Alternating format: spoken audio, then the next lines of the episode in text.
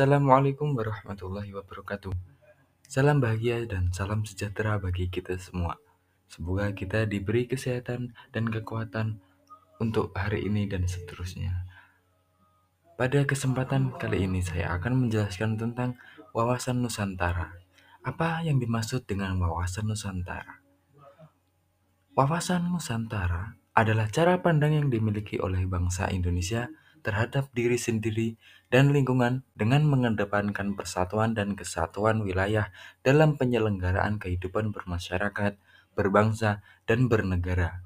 Wawasan Nusantara juga memiliki landasan dasar. Terdapat dua landasan dasar wawasan Nusantara, yaitu landasan ideal dan landasan konstitusional. Wawasan Nusantara juga memiliki hakikat. Apa hakikat wawasan Nusantara?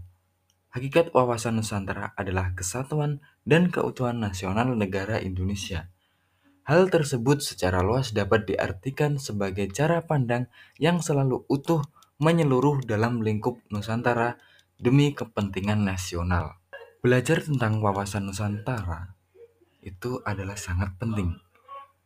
Kehidupan di dalam dunia ini pasti mengalami perubahan yang banyak macam penyebabnya berkaitan dengan wawasan Nusantara, wawasan bangsa Indonesia tentang persatuan dan kesatuan mam mampu bertahan dalam tantangan nilai global yang dapat mengubah wawasan persatuan bangsa. Pentingnya wawasan Nusantara untuk menyadarkan warga negara untuk memiliki cara pandang dan konsep untuk dapat mengerti tentang hak dan kewajiban sebagai warga negara. Jadi, sebagai warga negara yang baik, kita harus tahu cara pandang terhadap diri sendiri dan lingkungan dalam penyelenggaraan kehidupan bermasyarakat, berbangsa, dan bernegara. Dan kita juga harus mengerti konsep untuk dapat mengerti tentang hak dan kewajiban sebagai warga negara.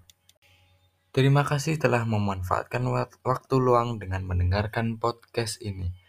Semoga menambah ilmu wawasan Anda dan semoga bermanfaat bagi Anda. Mohon maaf jika ada kesalahan atau tutur kata yang yang saya sampaikan.